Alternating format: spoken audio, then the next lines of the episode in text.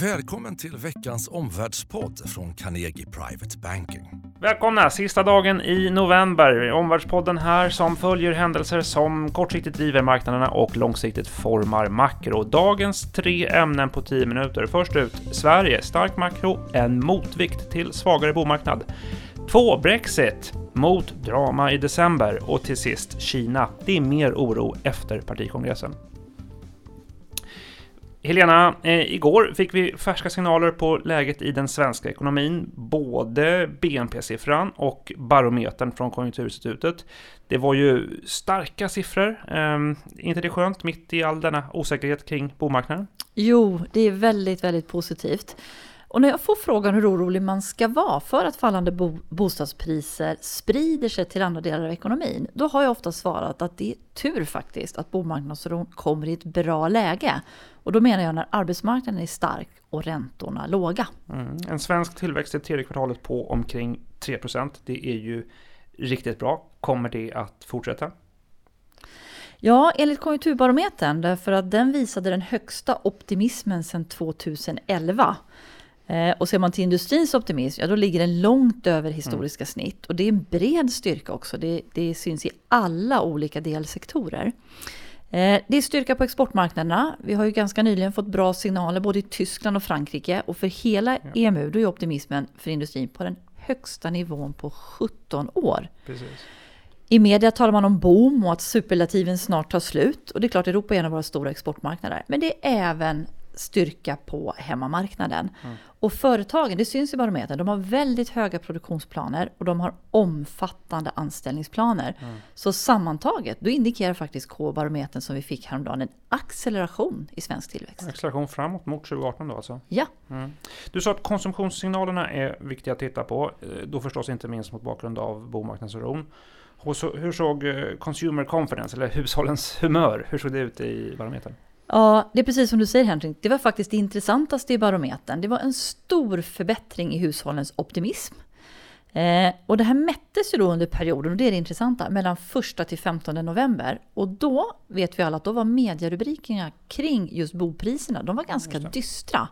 Men vad visade då barometern? Jo, hushållen är optimistiska, inte bara om den egna ekonomin utan om svensk ekonomi. De tycker att risken att bli arbetslös, den är rekordlåg, mm. lägsta sedan 2001. Sen är det klart, antalet som tror att de kommer köpa en ny bostad det kommande mm. året, den föll något och ligger under det normala. Mm. Vad är din korta slutsats? Än så länge, inga tecken på att bomarknadsoron sprider sig till andra delar av ekonomin. Consumer confidence är starkt. Det är uppenbarligen så att en bra arbetsmarknad väger tyngre än dystra medierubriker kring bomarknaden. Fråga två till dig då Henrik. Eh, på fredag är det månadsskifte och med det så går vi mot en avgörande milstolpe i brexitförhandlingarna. Det Europeiska rådets toppmöte äger ju rum den 14 till 15 december. Som investerare, vad ska man känna till inför det här eventet? Mm, jag tror vi går mot ett eh, Brexit-drama i december månad. Vi är alldeles uppenbart nu i upprampningen inför det Europeiska rådets toppmöte, precis dagarna då efter Lucia.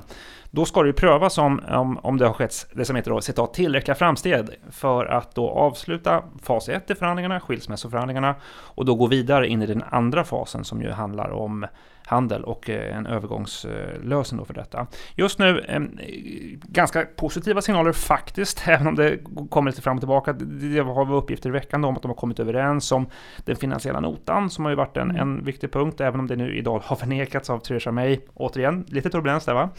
Eh, samtidigt så är det ju då på spurten här inför toppmötet tre stycken knäckfrågor som kan hanteras på en kort tid.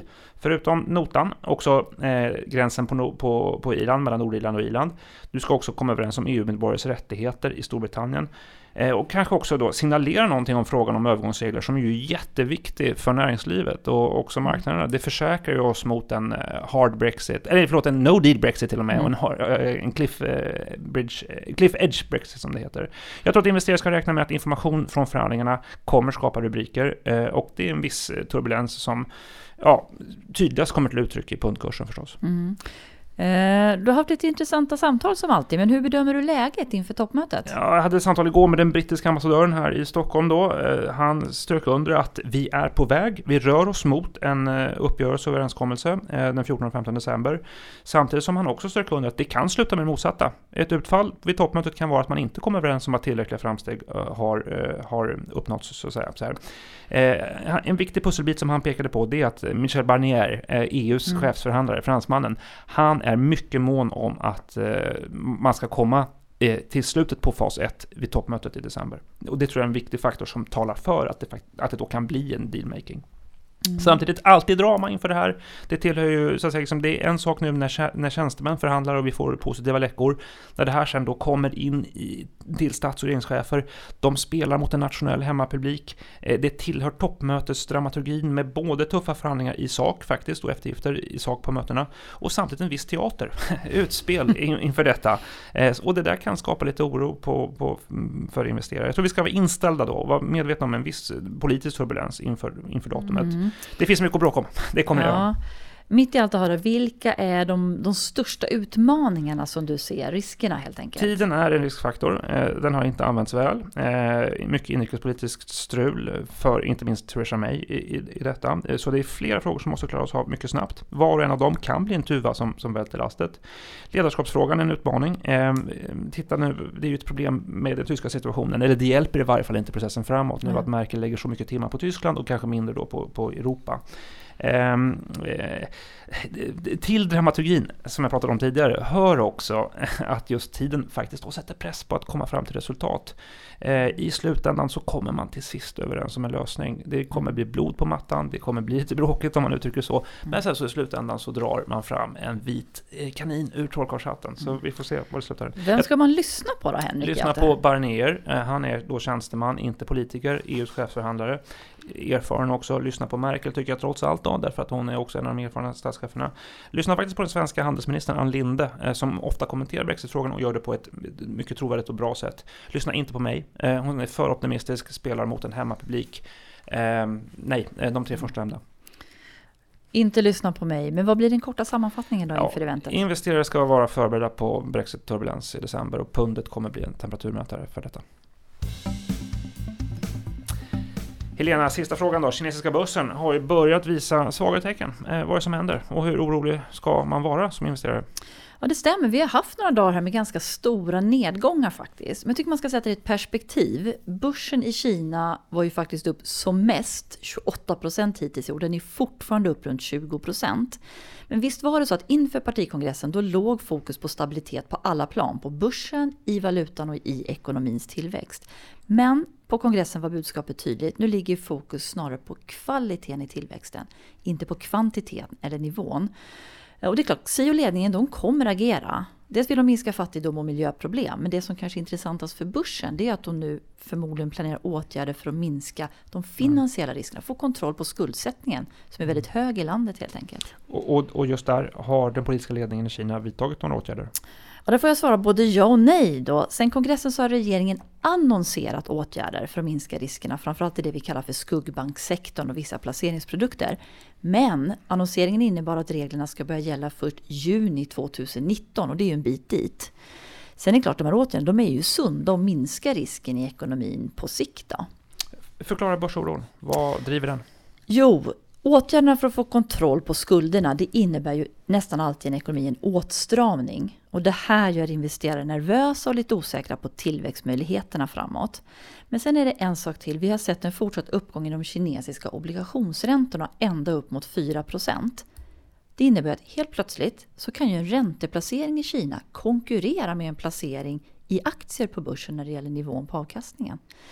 Ytterligare en förklaring tror jag till den senaste nedrekylen på kinesiska börsen, utöver räntorna då, det är sannolikt vinsthemtagning efter den här enorma börsstyrkan vi har sett under året. Mm. Och då vinsthemtagning även från inhemska institutioner med anknytning lite till staten, för de har tidigare varit väldigt stora köpare. Mm, tack för det. Eh, din korta slutsats? Ja, stark börs i Kina hittills i år, men framåt, håll koll på regeringsåtgärderna och räntorna. Tack Lena. Tre slutsatser från dagens samtal. Eh, inga tecken på att bomarknadsoro sprider sig till andra delar av den svenska ekonomin. Stark, motvikt, eh, makro, stark makro är motvikt till en svagare bomarknad.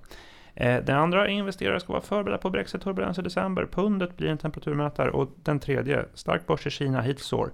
Men håll koll på 2R, regeringsåtgärderna och räntorna. Ikväll klockan 17.30 här på Regeringsgatan 56 i Stockholm arrangerar Carnegie vår, eh, vårt forum Carnegie efter börsen där vi välkomnar privata investerare, entreprenörer och våra vänner. Spännande scensamtal och affärsnätverkande. Välkommen! Är du intresserad av Carnegie Private Banking och vill se över din investeringsportfölj inför 2018? Boka möte med våra rådgivare på carnegie.se eh, kontakt. Tack för idag! Tack och hej! Tack för att du har lyssnat på Omvärldspodden från Carnegie Private Banking. Vill du veta mer om vad som händer i vår omvärld och få aktuella idéer till affärer? Gå då in på www.carnegie.se veckans viktigaste och prenumerera på vårt nyhetsbrev.